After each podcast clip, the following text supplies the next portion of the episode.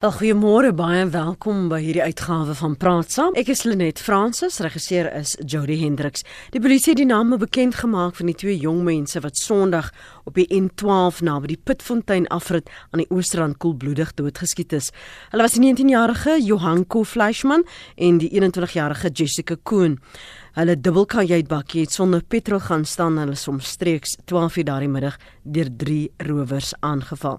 En dis die jongste misdaad wat nou weer die kollig op die hoë misdaadvlakke in Suid-Afrika geplaas het. So wat moet die prioriteite en die misdaadstrategieë wees van hierdie nuwe 6de parlement as ons sê ons is ernstig om misdaad te bekamp? Ons gaste vanoggend is Dr. Johan Burger. Hy's navorser by die Instituut vir Sekuriteitsstudies. Goeiemôre Dr Burger. Goeiemôre Lenet. Dankie vir jou tyd.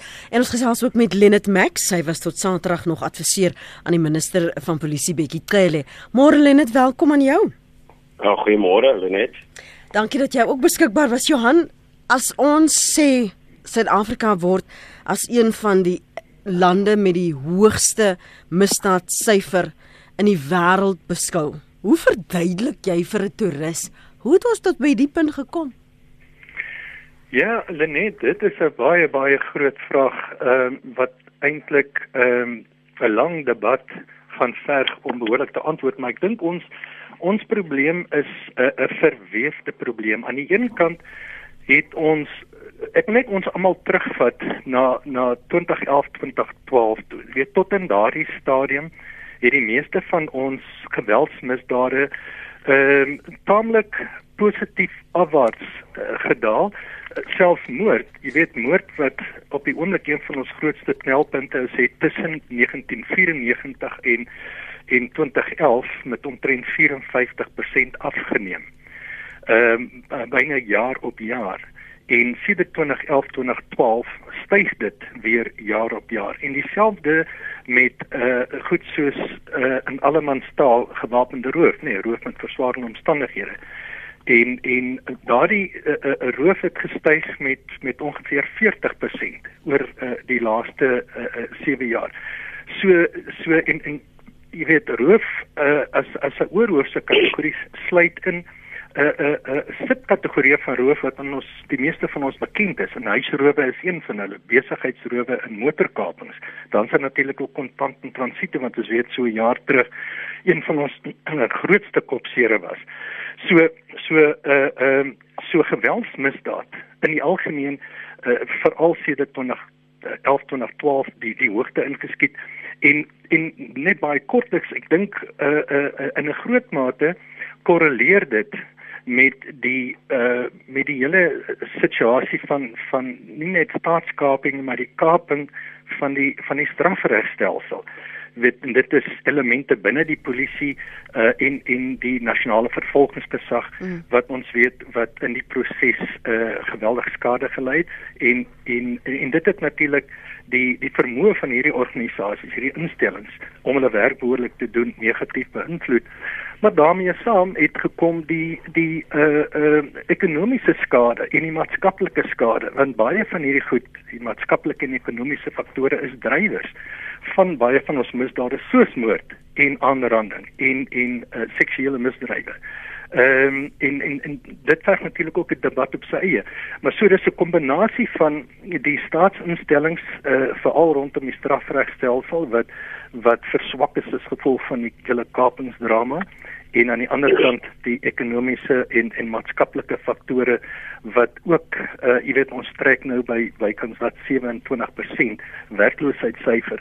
En hierdie goed het 'n uh, 'n geweldige impak gehad het dit omstandighede geskep veral in die armer woongebiede mm. waar ons die meeste van hierdie moorde en en en en en ander geweldsmisdade sien. Ehm um, so so dit dink ek was die drywers uh, as jy na die totale prent kyk van die situasie waarin ons ons tans bevind.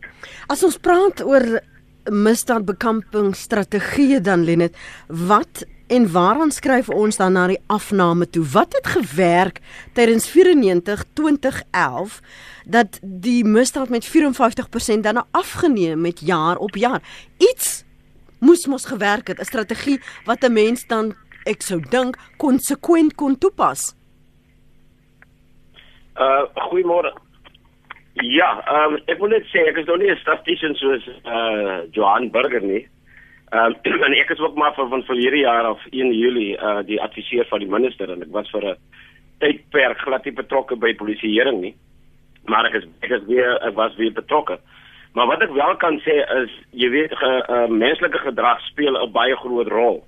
En Johan het so 'n uh, samevattende opsomming gegee van wat regtig die probleem is. En ek wil met hom saamstem dat ehm uh, die is 'n strafregstelsel behoort ernstig na gekyk te word. Ek dit is verblydend om te sien dat die president nou reeds aksie geneem het ten opsigte van die vervolging gesag. Maar ek dink ook daar moet 'n bietjie ehm um, werk kom uh, sover dit die polisie aanbetref.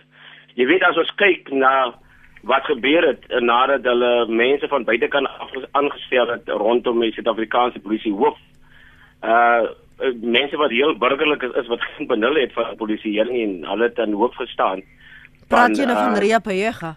Ja, dis korrek. En uh jy weet die moraal van die polisie gedaal, uh die besluite wat geneem, die polisie se beeld geskakel skaat en onder andere uh die bevorderingsstelsel wat tans in die gang is is nie bevorderlik vir goeie toesig en beheer nie, maar ek sal seker later daaroor praat. Hmm. Maar op 'n stadium was minister Bekkie Cele die uh, die nasionale kommissaris en hy het baie harde uitsprake gemaak. Hy het 'n bietjie ondervinding gehad omdat hy die LER van gemeenskapsveiligheid in KwaZulu-Natal was. Ehm um, en daar het hy sekere stelsels in plek gestel soos die TRT, die uh, rapid response uh, eenhede soos hulle dit noem. En uh, hy het begin die motivering geweet teruggebring na die polisie toe en hy is toe ontslaan. En uh, ons het weer uh, iemand anders gehad ehm um, wat die polisie dan nou gelei het soos Ria Pega wat uh, wat 'n absolute mislukking was. So uh, en ek wil net sê, jy weet, sover dit die misdaad aanbetref, die straf blyk vir my te wees geen sins meer 'n afspreking te wees nie. Want as ons kyk na bende geweld in die Kaap en in Oos-Kaap um, en ander plekke. Vir bendes is dit geen straf om tronk toe te gaan nie, dis 'n bevordering. Hulle kry rang, uh, jy weet hulle bevorder hulle vorder op in die hiërargie van bende aktiwiteite en bende leierskap hoe, hoe meer ernstig die uh, misdaad is wat jy gepleeg het, hoe groter respek kry jy in die geleedere. So die sosiale omstandighede is grootliks ook verantwoordelik. As jy gaan kyk aan ons bende getuieerde gebiede, hoe lyk die omstandighede daar? dan is dit geen wonder dat uh, dit 'n broeienis is van van misdaad daar nie. Uh daar is bepaalde gevalle en redes hoekom misdaad dan nou afgekom soos ek sê. Ehm um, uh jy het die gemeenskap se samewerking nodig en ek glo altyd dat sigbare polisieering grootliks bydra tot die afname van misdaad want jy moet verstaan by die pleging van 'n misdaad is daar altyd twee faktore betrokke. Die een is die geleentheid om 'n misdaad te pleeg en die ander een is die begeerte. Nou die polisie kan nie 24 uur uh, 300 uh, uh, 24/7 365 daar in 'n gebied uh, een straat wees nie en uh, as hulle da, die polisie se teenwoordigheid onneem tydelik die geleentheid om 'n misdaad te pleeg maar nie die begeerte nie as die polisie beweg beweeg bestaan nie die, die geleentheid weer en die begeerte en die, en die geleentheid word gekombineer en die voornemende misdadiger gaan oor tot aksie.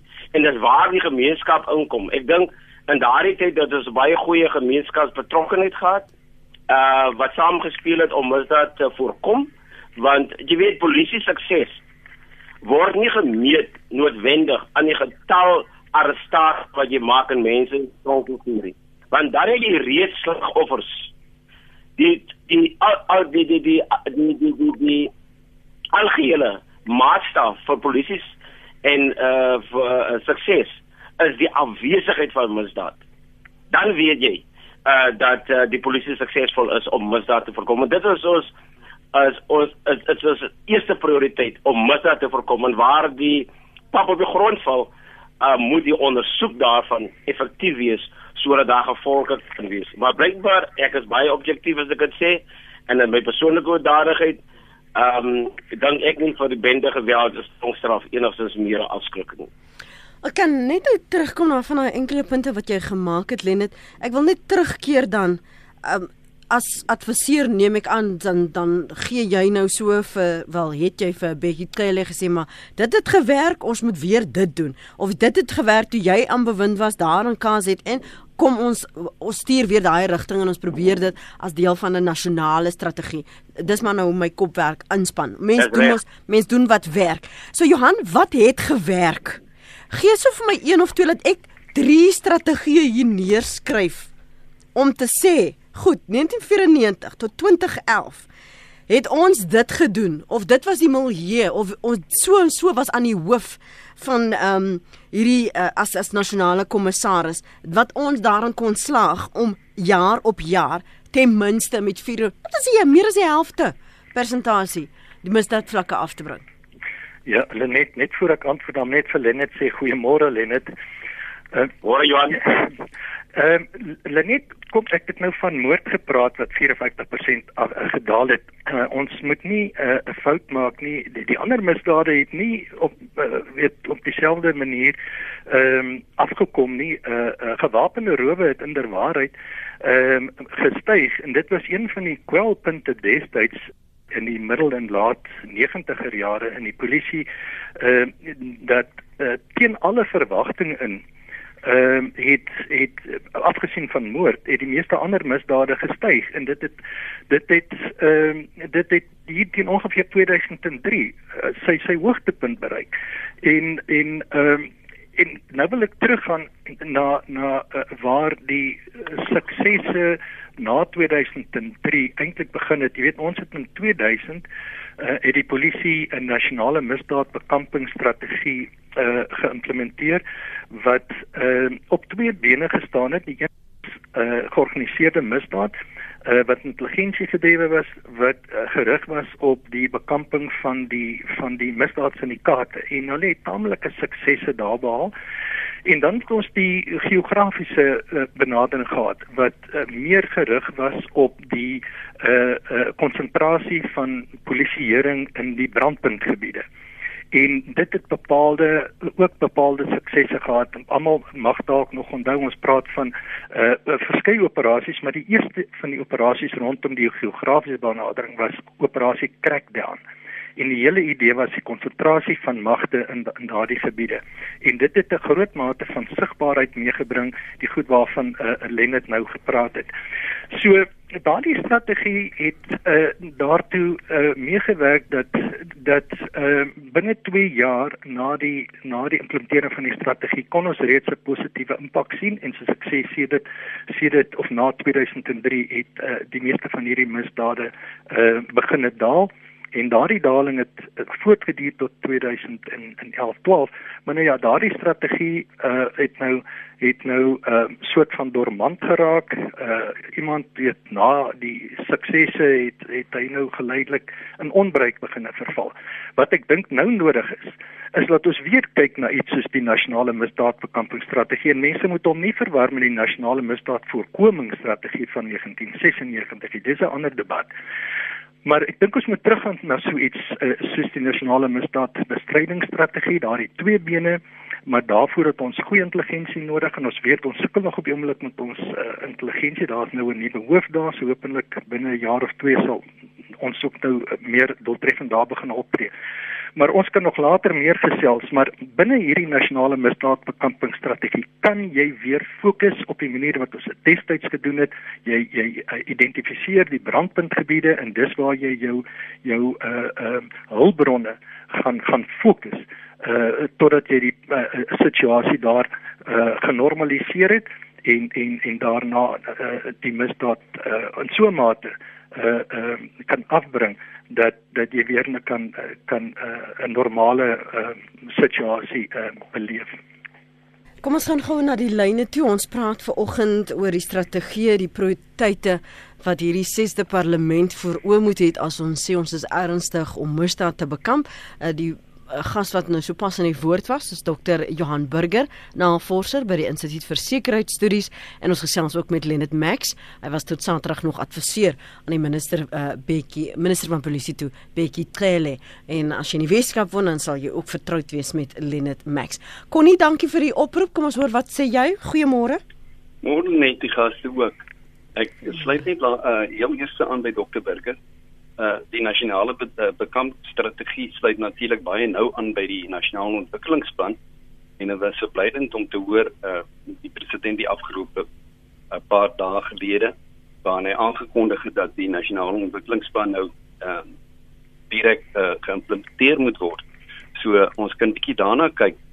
Uh ek waag dit om te sê uh ek sal meer aansluit by meneer Max uh se kommentaar dat ons sit vandag uh ook met 'n morele krisis en hierdie morele krisis word gekoppel aan ons misdaadstrategie. Uh iets wat nou nie verband daarmee hou nie, maar waaraan ek tog 'n verband sien. Ja. Is ons as mens met die natuur aangaan en uh, verwaarloos. Uh dit klink seker maar uh dat vir julle as gaste wat daar is uh, nie een van die uh, probleme nie, maar ek sien uh, net hierdie uh wyse waarop ons met die natuur aangaan, ons kan dit baie mooi uh opmerk in die VN se afgeroepe verslag wat hierdie uh hierdie hierdie maand uitgereik was. Dit is die global assessment verslag uh waarin daar dan gesê word of aangehaal word dat die gebrek aan respek maak die mense bedreigde spesies. So daar sluit ons maar aan by die misdaad.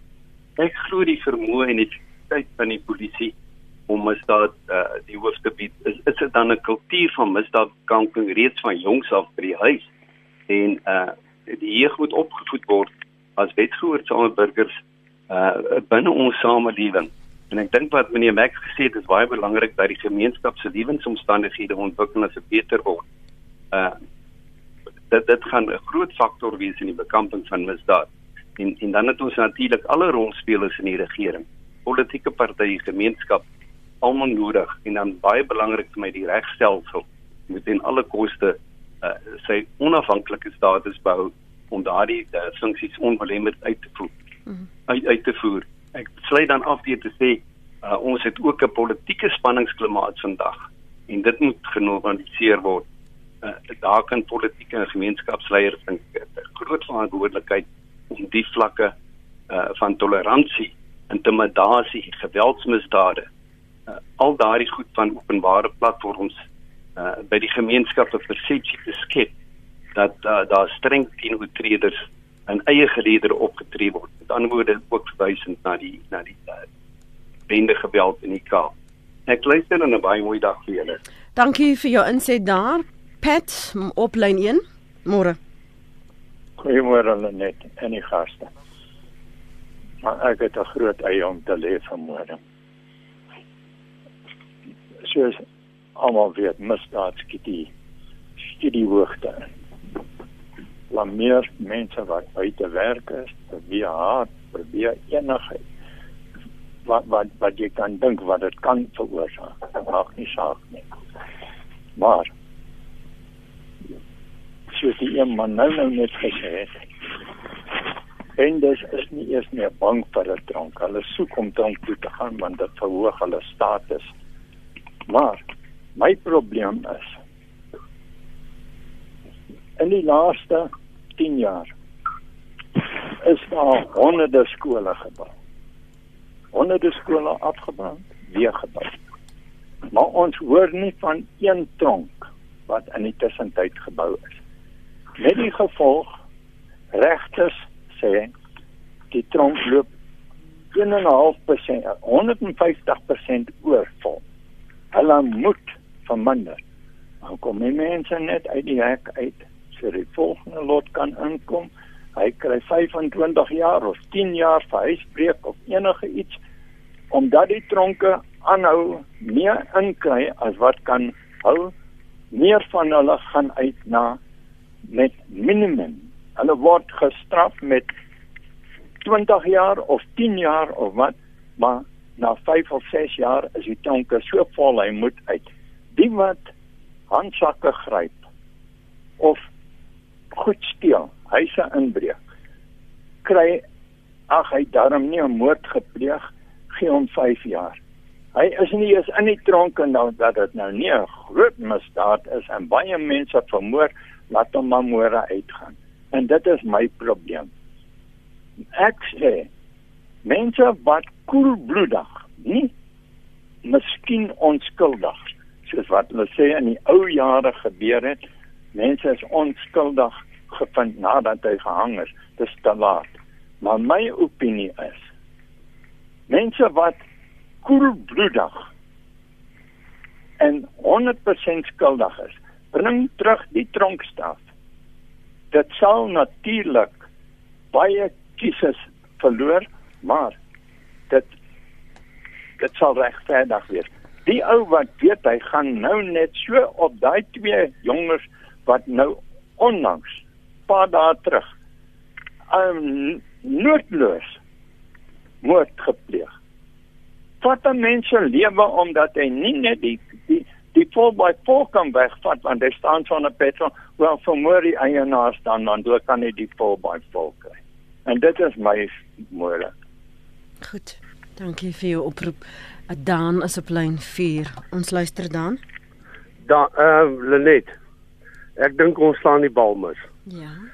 Ek sê die grootste probleem in Suid-Afrika is as gevolg van die buitelanders. As jy nou gaan kyk, daai mense in Zimbabwe en Mosambiek het nie kos om te eet nie.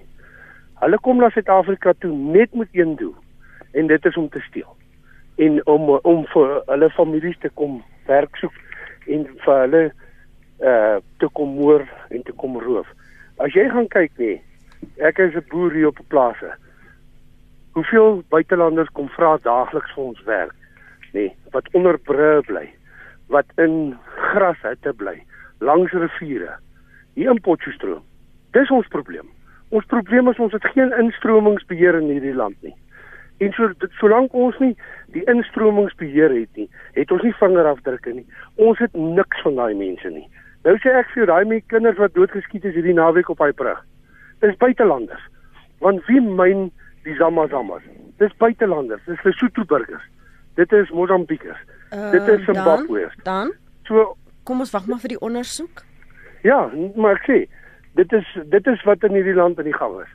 Ons het geen beheer oor die buitelanders nie. Dit is ons probleem. So solank solank daar nie by die grensposte 'n daadwerklike poging aangewend word om die mense uit ons land te hou nie. Ek weet van mense wat in Suid-Afrika werkspermit het. Dan werk hulle 'n jaar. Dan verval daai permit. Hy's al 10 jaar in Suid-Afrika en nog niemand het hom gedeporteer nie. Want daar's geen beheer nie. Dis ons probleem in hierdie land as gevolg van die instromingsbeheer van die buiteland af. Ek sê nou vir die helfte van Zimbabwe is in Suid-Afrika. En dit is ons probleem. Goed. Nou kry ons mense wat lokaal is nie werk nie. En dit is hoekom die crime rate opgaan. Dis daan se mening daardie. Dr. Jan Burger, kom ons gee vir jou eers geleentheid om te reageer op die punte van Connie, Pat en Daan. Ehm um, net ek gaan probeer om dit alles sommer so saam te vat. Ek wil net uh, Connie is heeltemal reg as hy verwys na die nasionale ontwikkelingsplan. Ons het ook al in die verlede daaroor mm -hmm. gepraat. Ek dink uh, jy weet as deel van die sogenaamde New Dawn die nuwe daaraad wat die president aangekondig het en ek dink die meeste van ons uh, uh is is baie positief in ons verwagtinge uh van die uh, nuwe president en die kabinet wat hopelik binnekort aangekondig gaan word. En maar maar hier's 'n klomp goed wat nou moet gebeur. Uh die nasionale ontwikkelingsplan wat hulle in 2012 goedgekeur is, moet nou begin implement uh, uh, uh weer dan moet nou begin word om te implementeer in spesifiek rondom die strafregstelsel en binne die strafregstelsel die die die, die polisie daar in hoofstuk 12 word baie spesifieke aanbevelings gemaak oor hoe die polisie geprofessionaliseer kan word.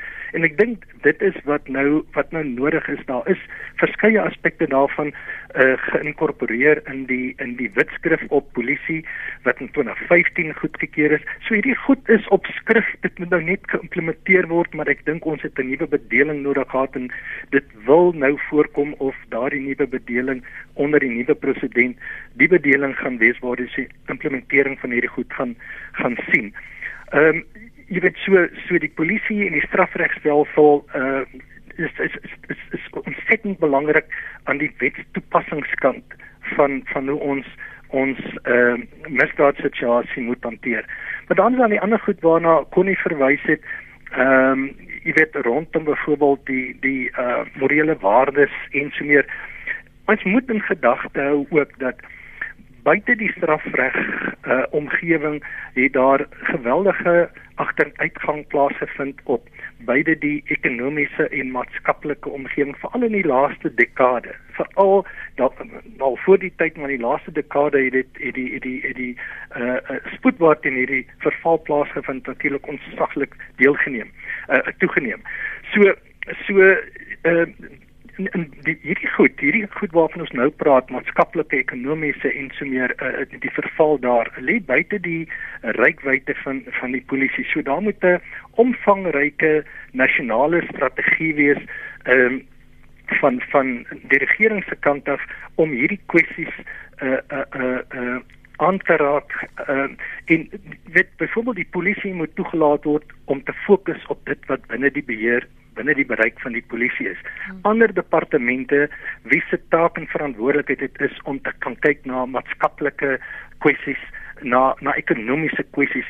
Hulle moet uh binne 'n uh, uh, uh, uh, kom ons sê 'n nasionale uh, strategie op op die hoogste vlak. Hulle moet getaak word om na hierdie kwessies te kyk, hierdie verval in waardes uh en en al hierdie ander goed waarvan ons praat. Ek wil nie oor die doodstraf praat wat Pat genoem het nie. Ek dink jy weet dis 'n debat op sy eie en en en die die hoogste hof van die land het reeds daaroor beslis dat ons uh, grondwet dit nie uh, toelaat nie. So ek dink die doodstraf is 'n is 'n kwessie wat miskien op 'n ander uh, tyd en 'n ander plek gedebatteer moet word.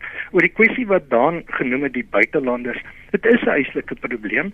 Sonder twyfel ehm uh, jy weet ons weet dat ons uh, poreuse grense mense kom deur uh vir verskeie redes uit uit uh, verskeie plekke in Afrika maar ook elders. Uh, mense sien in Suid-Afrika ten spyte van al hierdie verval waarvan ons praat sien hulle nog steeds geleenthede vir hulself en daardie geleenthede uh, word dikwels gefrustreer omdat daar net eenvoudig nie genoeg werk, nie genoeg geleenthede vir almal is nie. En nou praat ek van mense wat hiernatoe kom met die doel om te kom werk. Ek praat nie eers vir die ouens wat met misdadige uh, oogmerke Suid-Afrika toe kom en is oor genoeg van hulle op uh weet wat selfs by by uh uh, sogenaamde witboortjie misdaad misdade betrokke is. So die die die die oplossing vir Suid-Afrika is gaan nie 'n maklike invest nie. Ons het op al die terreine van 'n van 'n staatsopset, die ekonomiese, die die maatskaplike, die veiligheid, uh uh jy weet al hierdie terreine het ons kwessies wat nou ehm uh, aangespreek moet word deur die deur die nuwe leierskap, die nuwe president se nuwe kabinet, hierdie goed gaan nie oornag gebeur nie. Ek dink die polisie kan byvoorbeeld op die korttermyn hierdie strategie implementeer om meer doeltreffend op te tree teen misdade, maar om die om die snellers van hierdie misdade te verwyder uh dink ek moet daar meer strategies op 'n hoër vlak gekyk word na hoe kry ons ons ekonomie weer aan die gang? Hoe kry ons vir mense mm. werk? mm. hoe gaan ons armoede oplos uh of dan uh, ten minste dramaties laat afneem? En daarmee saam uh hopelik die maatskaplike verval wat daar is mm. kan begin omkeer. Want dit werk hand aan hand. Lenet? Ja. Lenet ja uh dankie. Ehm um, wat Johan sê is heeltemal korrek Jy weet ek is tans besig uh, voordat my termyn nou klaar gemaak het saam met die minister as adviseur. As ek besig om 'n uh, oorhoofse plan saam te stel. Ek het eers gewerk aan die teenbende eenheid en dan ook die reserviste se beleid wat hulle nou besig is om te hersien en 'n paar ander dinge. En toe het ek konsultasies gehad met die gemeenskappe veral in die bende geteisterde gebiede. En ek het begin skryf aan 'n oorhoofse plan presies wat Johan sê nou hierdie begrippe is vervat in die wetskrif op misdaadvoorkoming en en in die ehm um, nasionale plan. Maar dit waar word nie ehm um, uitvoering gegee aan aan hierdie goed. Jy sien dit nie op die grond nie, jy sien dit nie in die gebiede nie. So die polisie kan sê kan net dit doen wat hulle bemagtig is om te doen en nie buite hulle hulle verantwoordelikheid nie. Maar ek wil net sê, ek wil 'n paar dinge aanraak wat jy inbeller. Ek kan nou die name nou nie gepraat het oor die tronke. Nou, ek was vir 3 jaar en 6 maande by die portefeulje komitee oor korrektiewe dienste in nasionale parlement. En die tronke is so oorvol en daar's soveel druk op daardie owerheid om mense uit te laat sodat hulle plek kan hê. En soos die inbeller gesê het, nuwe tronke is amper hoor jy nie van nuwe tronke wat uh, gebou word nie. So ja, daar is druk om mense verhoor te gee om mense vroeg te laat uitkom en ge, en die gevolg is dit is nie 'n afskrikking vir die pleeging van misdaad nie. Tweedens, die buitelanders. Die persoon is korrek. Die beheer daaroor is ehm um, is wat kan bevraagteken word. Jy weet uh, uh alle vingerafdrukke wanneer jy vingerafdrukke op 'n misdaad te veel kry, dis daai persoon nie noodwendig op 'n database nie. So hy's nie 'n Suid-Afrikaanse burger nie en dit vertraag dan die oplossing van daardie tipe misdaad. Maar kom ons kyk gou na 'n paar dinge. Die meeste van hierdie moorde in die land word deur vuurwapens gepleeg. Eers die tyd toe ek nog in die polisie was, was dit mesmoorde en nou is dit vuurwapens. Elke tweede omtrent tweede bendelid het 'n vuurwapen. En soos ons soos jy reeds gesê het toe ons begin het met hierdie gesprek van hierdie twee onskuldige mense wat daar is en baie ander onskuldiges wat koelbloedig vir geen rede doodgeskiet word. Nou op die huidige oomblik sit ons net met 'n uh, ballistiese vermoë wat 'n vuurwapen met die eienaar uh, koppel. Ek werk tans in samewerking met met mense wat met die idee gekom het aan 'n stelsel wat ons noem coded ammunition gekodifiseerde ammunisie waar is waar die doppie die patroon sowel as soos hulle sê die slagdoppie 'n kode op het. En as hierdie patroon gekry word in 'n voertuig iemand iemand se liggaam of die patroondoppies op 'n toneel gekry. Daai kode sê vir jou wie aan wie is daardie ammunisie uitgereik en ek dink soos ek dit noem is dit die DNA van ammunisie. So as dit in werking kan kom, dan sal ons baie minder gevalle hê waar mense uh, uh ammunisie koop en dit op die swartmark aan die bendes verkoop of waar hulle die reg het en lisensie het om self hulle ammunisie te laai by die huis en dit te verkoop op swartmark. Op die huidige oomblik is hierdie aangeleentheid by die sekretariaat van die polisie. En hulle is baie baie ingenome met die idee.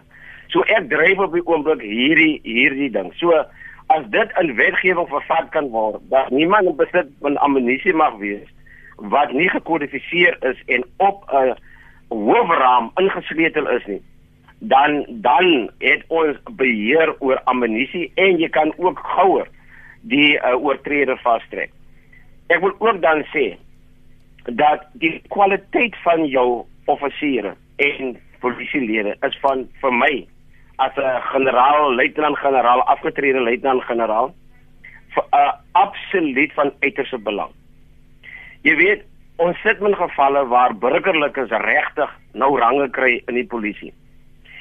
Op die 16de Mei is daar 'n triple SBC resolusie uh, ooreenkoms een van 2009 geteken waar al die burgerlikes wat binne radiobeheer werk nou oorgaan op die polisiewet aangestel word in range van sergeant, adjutant offisiere en so voort, konstabels. Mm -hmm. En hulle sal nou dan 'n verkorte kursus kry. Nou môre doen daardie adjutant offisier wat 'n burgerlike is, doen byvoorbeeld aansoek nou vir 'n 'n kapteinspos. Dan kry hy of sê dit. maar dit is geen benul wat dit is om enigstens mense te bestuur en geen kursus geloop op 'n bestuurskursus voor hulle in daardie partieke rang ingeval het. Jy weet ek het 11 range in die Suid-Afrikaanse polisie gehad en ek was in die apartheid jare. Ek en Johan was apartheid jare polisiebeamptes. Nou, apartheid is verkeerd in sekere opsigte, maar was stelsels gewees. Jy sal waaragtig nie in 'n rang ingaan as jy nie jou eksamen geslaag het, eerstens, en tweedens is daar 'n meriete komitee wat jou geëvalueer het om op, op om in te gaan. Nou as 'n nuwe wit persoon was ek die jongste in die land op al my range tot met gen luitenant generaal. Maar jy moet werk daarvoor, jy moet jouself bewys. Dis nie dat jy al aan iemand se uh, blou oë het of uh, 'n 'n uh, sekere ras het of wat ook die geval mag wees nie. Uh, daar was 'n standaard as ek geweet het dis 'n luitenant dat ek geweet hy weet meer as ek. En dis 'n brigadier, daai brigadier weet meer as ek, ek kan na daai persoon begin. En ek moet vandag vir jou sê ek is soms teleurgesteld om te sien waar die vaardighede is van sekere senior offisiere binne die Suid-Afrikaanse polisie diens. En en ek dink ons moet daai stelsel regmaak dat geen persoon wat 'n siviele persoon is mag 'n 'n 'n militêre rang dra nie, want regtig dit doen afbreek aan die professionaliteit en dienslewering en dan komprimeer jy die veiligheid van jou inwoners. Want daar moet 'n standaard wees waar jy kan leiding gee en jy moet uh, beslissings kan neem uh wat ander ondergeskiktes onder jou kan kan 'n rigting gee van hoe die werk behoort gedoen te word.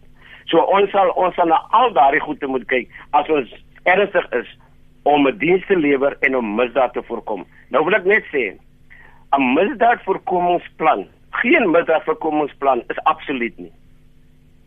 Dis 'n ewige 'n uh, veranderde plan en en, en hang af ook van die omstandighede. Dit hou nie op en dit dit dit verander voortdurend afhangende van die omstandighede wat heers en ook die modus operandi van die misdadigers. So jou misdaadvoorkomingsplan sal altyd voortdurend verander weens omstandighede. So jy moet bestuurders kry wat buite kan die boks dink. Jy weet daar's nog baie in die Suid-Afrikaanse polisie wat gedink het polisieering toe ek in 1979 aangesluit het moet op dieselfde wyse. Daar's basiese beginsels wat dieselfde moet bly, maar daar is ander dinge wat verander wat ons deesdae met tegnologie moet aanvul om ons om ons lede te help. En dan ook korrupsie aan die ander kant. Is 'n ewel, 'n absolute ewel. En en die beginsel wat ons het deesdae is vanuit die gemeenskap van die gemeenskap binne 'n bepaalde gebied waar jy groot geword het, moet jy polisieer. Daai ding sal hersien moet word. En ek sê hoekom? Ek was op 'n komitee in 'n onderwyskomitee in die provinsiale parlement. Nou, ons het 'n skool besoek as jy as die komitee. Mm -hmm. En die en die hoof, die hoof het vir ons toe die skool, die hoërskool uitkom dus as daar kinders in uniform en as uh om omtrent so 15 jong mans aan privaat drag voor hulle in hulle stap. En die hoof sê kan jy sien daar. Dis die hoërskool wat hier uh, in in nou Nova Park is en die ouetjies daar voor is die bendes van die gebied waar hy kinders uh, uh, woon. Nou daai bendes walking bus, daai skoolkinders want die skool is in 'n ander bendes se se gebied. Daai walking bus is hulle die woord noem. Daai skoolkinders na daai gebied toe en vanmiddag as die skool uitgaan dan wag hy bendes vir hulle en daai eskort hulle hulle terug tot weer in hulle gebied.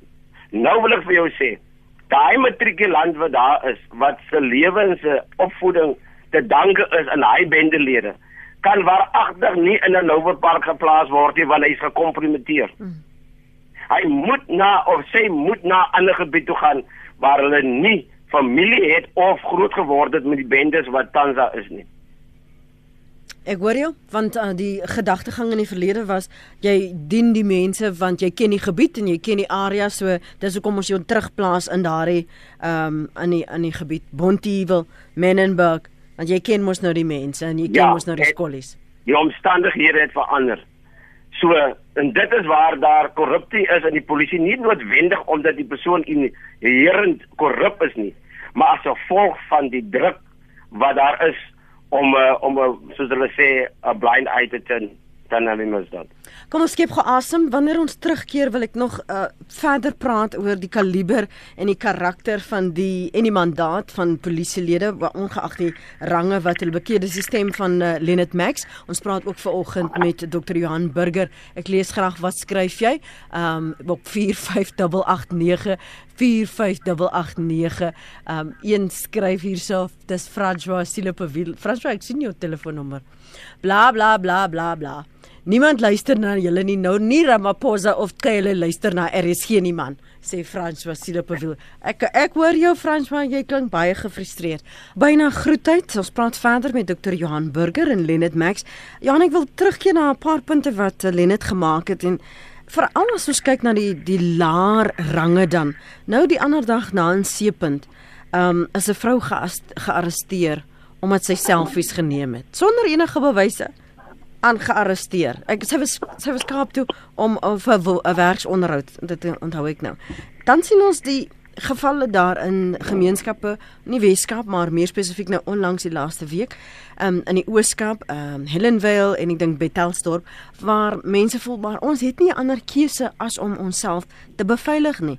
En dan um, mobiliseer hulle groepe soos na bewering Pagat en ander om ons dan nou te beveilig van die polisie doen hulle werk. En dan kyk jy na die aanstelling van diegene wat ons gehad het vir vir uh, as nasionale kommissaris. Al wat nou 'n vaste aanstelling was of dit nou 'n waarnemende aanstelling was, geen van daardie kandidate was sonder vra oor bedrog of aanklagtes of ondersoeke nie. Wat sê dit van die kaliber, die wingerd wat jy het om van te kies? As hulle tot op die laagste en die hoogste vlak dan daar vraagtekens oor hulle bevoegdheid is. Ja, Lenet, ehm um, dit is ook amper 'n debat op sy eie, maar ek dink Lenet het dit redelik goed opgesom toe hy verwys het na die kwaliteit van uh, polisieoffisiere in vandag se polisie. En kom ons sê vir mekaar, jy weet daar's nog baie baie knap toegewyde polisielede en polisieoffisiere in alle range. Maar ongelukkig het daar 'n uh, 'n uh, 'n uh, verrotting ingetree oor die jare en daar's baie redes daarvoor, maar om 'n voorbeeld te gee, ek nou nou 'n uh, Lenet het verwys na Ria Pega jy weet en en as 'n mens nou na haar kyk en ek verwys nie nou na haar persoon nie maar die, dit wat sy na die tafel toe gebring het uh sy is opgelei het 'n meestersgraad gehad in maatskaplike uh in die maatskaplike uh, wetenskappe. Ehm uh, weet sy sy sy sy's aangestel as kommissaris in in in 2012 ehm uh, een van die eerste goed wat sy begine doen het was om ontslae te raak van die ervare en kundige adjunk nasionale kommissaris wat gehad het generaal Bia wat nou die hoof is van die Valke het sy uitgewerk uh, generaal uh, Lia uh, uh, Mofome wat in beheer was van die ondersteuningsdienste diens uitgewerk al al van hierdie mense doktorsgrade hulle het albei meer as 30 jaar 'n uh, 'n uh, diens in die polisie gehad. So hulle is ervare polisielede met baie baie goeie akademiese kwalifikasies. Nou ja, uh, uh, generaal Lebia het op die ouend hulle het hulle sake in die in die arbeidshof gewen en hulle alles uit en hy het nou onlangs eers maar weer teruggekom in die polisie toe hy aangestel is in 'n baie goeie aanstelling by by die Valke. Maar nie net dit het nie net toe daarby gebly nie. Piega het toe verder gegaan sy het as haar adjunk in die plek van hierdie ander mense uh het sy iemand aangestel wat net die jaar voor haar by die polisie aangesluit het en wat 'n onderwyseres was. So so en en die die persoon se aangestel het as hoof van haar van haar strategiese bestuur wat 'n sleutelkomponent in die polisie is. Is iemand wat ook net die jaar voor haar aangestel was wat 'n uh, 'n uh, 'n graad in teologie het. So nou nou sit jy in die top sleutelposte in die polisie met 'n maatskaplike werker, met 'n onderwyseres en met 'n uh, met 'n ou wat in teologie en ek het niks teen teologie nie, maar uh, jy weet in die in die konteks van operasionele polisieering ja, ja. is is dit wat jy in die beheer het in die polisie en daai da, weet daardie proses van van amper onsinnige aanstellings het het dwars deur die polisie beginne beginne suurdeeg en die mense wat aangestel is uh, weet kom ons sê net maar verkeerde aanstellings uh dis dalk nou 'n uh, meer ehm um, veilige woord om te gebruik. Maar hulle het op hulle beurt rondom hulle ook weer gestolglik mense aangestel is met wie hulle gemaklik voel wat nie vir hulle 'n bedreiging was nie. So nou uiteindelik het het bevel en beheer in die polisie uh in 'n groot mate in duie gestort en dit is hoekom jy ehm um, op grondvlak dikwels polisielede kry wat maak en breek soos hulle wil want daar's nie behoorlike toesig nie. Hulle word nêrens aanspreeklik gehou nie. Jy weet ons kan nou lank praat oor die miljoene rande wat elke jaar uh, uitbetaal word aan siviele eise as hmm. gevolg van polisielede wat onregverdig uh, onregmatig en selfs onwettig optree, maar hulle word nie aanspreeklik gehou nie. Die staat betaal uh, daardie daardie siviele eise. So dit is die omvang van die skade uh, wat in die polisie aangerig is. Ehm uh, as gevolg van uh, mense wat aangestel is in poste waar waarvoor hulle nie toegerus was nie. En ek stem met my saam. Jy weet burgerlikes wat omgeskakel word na operasionele uh, uh, uh, poste toe en en polisie range kry. Dit is 'n absolute onding en hoe gouer dit uitgeroei word hoe beter Die strategieë wat ons intussen gesien gesien het en eh, Lennet kan nou nie daarop reageer nie want hy's bietjie bevooroordeel dink ek as adviseur van Bekkie Cele. Ehm um, was hierdie spesialis eenhede 'n uh, uh, uh, stap weer in die wyse waar op ons goed gedoen het wat gewerk het Johan? Ja, kyk, ek het 'n lang lang artikel daaroor geskryf mm. al seker ehm um, 3 jaar terug waarin ek uitgewys het hoe dat uh, veral onder Jackie Levy se in sy termyn hoe hy in twee fases die die spesialis vermoë van die polisiebasis vernietig het absoluut vernietig het. En jy weet dis baie makliker om 'n ding stikkend te maak as om hom heel te maak. En en ons sit nou met daardie uitdaging van hierdie spesialiseenhede uh, daar's aankondigings dat van hulle weer uh, uh, heringestel gaan word, maar baie van die mense wat hulle uh, spesialiskennis, hulle ervaring, hulle kundigheid uh, destyds in hierdie spesialiseenhede opgebou het, ontwikkel het, ehm um, jy weet behalwe die die die uh, uh, uh, spangees wat daar in hierdie eenhede uh, uh, uh, ontwikkel word en wat daar bestaan, het hierdie eenhede ook 'n uh, uh, verantwoordelikheid geneem vir die opleiding van mense wat by hulle aangesluit het. So jy weet die ding het deurlopend hierdie spesialis eenhede deurlopend spesialisering uh, in die hand gewerk as gevolg van die die die wyse waarop hulle gestruktureer was maar baie van hierdie mense is of uit die polisie uit of is is verplaas na ander eenhede toe uh, en hulle het geen belang daarmee om nou terug te kom baie van hulle nie want bring weer verplasings mee en so aan so dit gaan 'n tyd vat om hierdie eenhede weer op die vlak te kry waarop hulle gefunksioneer het voordat hulle uh voordat hulle tot nut hmm. gemaak is in in in in uh Jackie se lewe se tyd. Maar ek is baie bly om te hoor dat die proses ten minste nou weer aan die aan die gang is. Lenet, ons het so 'n uh, minuut en dan gaan ons nou vir jou groet.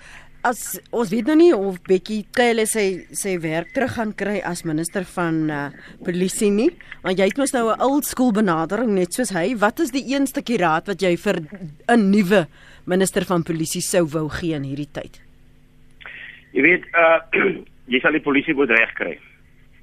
Maar die polisie is die leidende figuur in misdaad voorkoming en bekamping.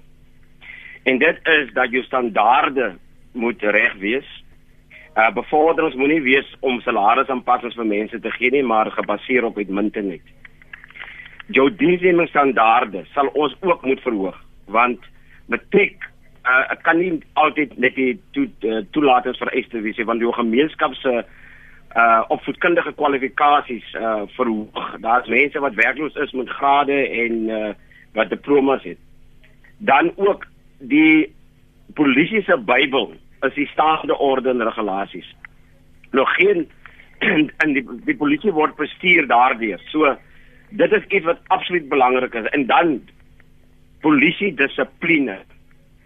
Jy weet die dissipline deur die mat geval omdat baie van hulle in die verlede is al juniors wat se oom 'n politician is of wat ook die geval mag wees. En mense was bang om teen hulle op te tree of die word beskuldig van rasisme of die word beskuldig van seksualisme of die word word verplaas uh wanneer hulle is bang daar's teenklagtes en en as gevolg daarvan uh uh as, as senior mense uh, bang om uh, of uh op te tree. Maar Ons moet force multipliers gebruik. Ons reserviste eenhede moet ons versterk. En dit is wat ek aanbeveel. Hulle is besig daarmee. Goed. En ek glo, ek is baie bevooroordeel teenoor ehm um, reserviste. Ek glo dit behoort dit behoort eintlik jou kernbron van voeding tot die polisie te wees want dit is mense wat al klaar aanduiding gee. Hulle wil hart en siel 'n polisieering doen. Dis nie iemand wat Goed. vir ongeluk uh uh, in diens geneem word nadat hy op 10 ander plekke aansoek gedoen het vir 'n werk nie. Let dit ons gaan dit daar moet laat. Ons gaan jou seker okay. maar weer moet nooi. Uh dankie vir jou beskikbaarheid. Dankie ook aan dokter Johan Burger vir julle insette.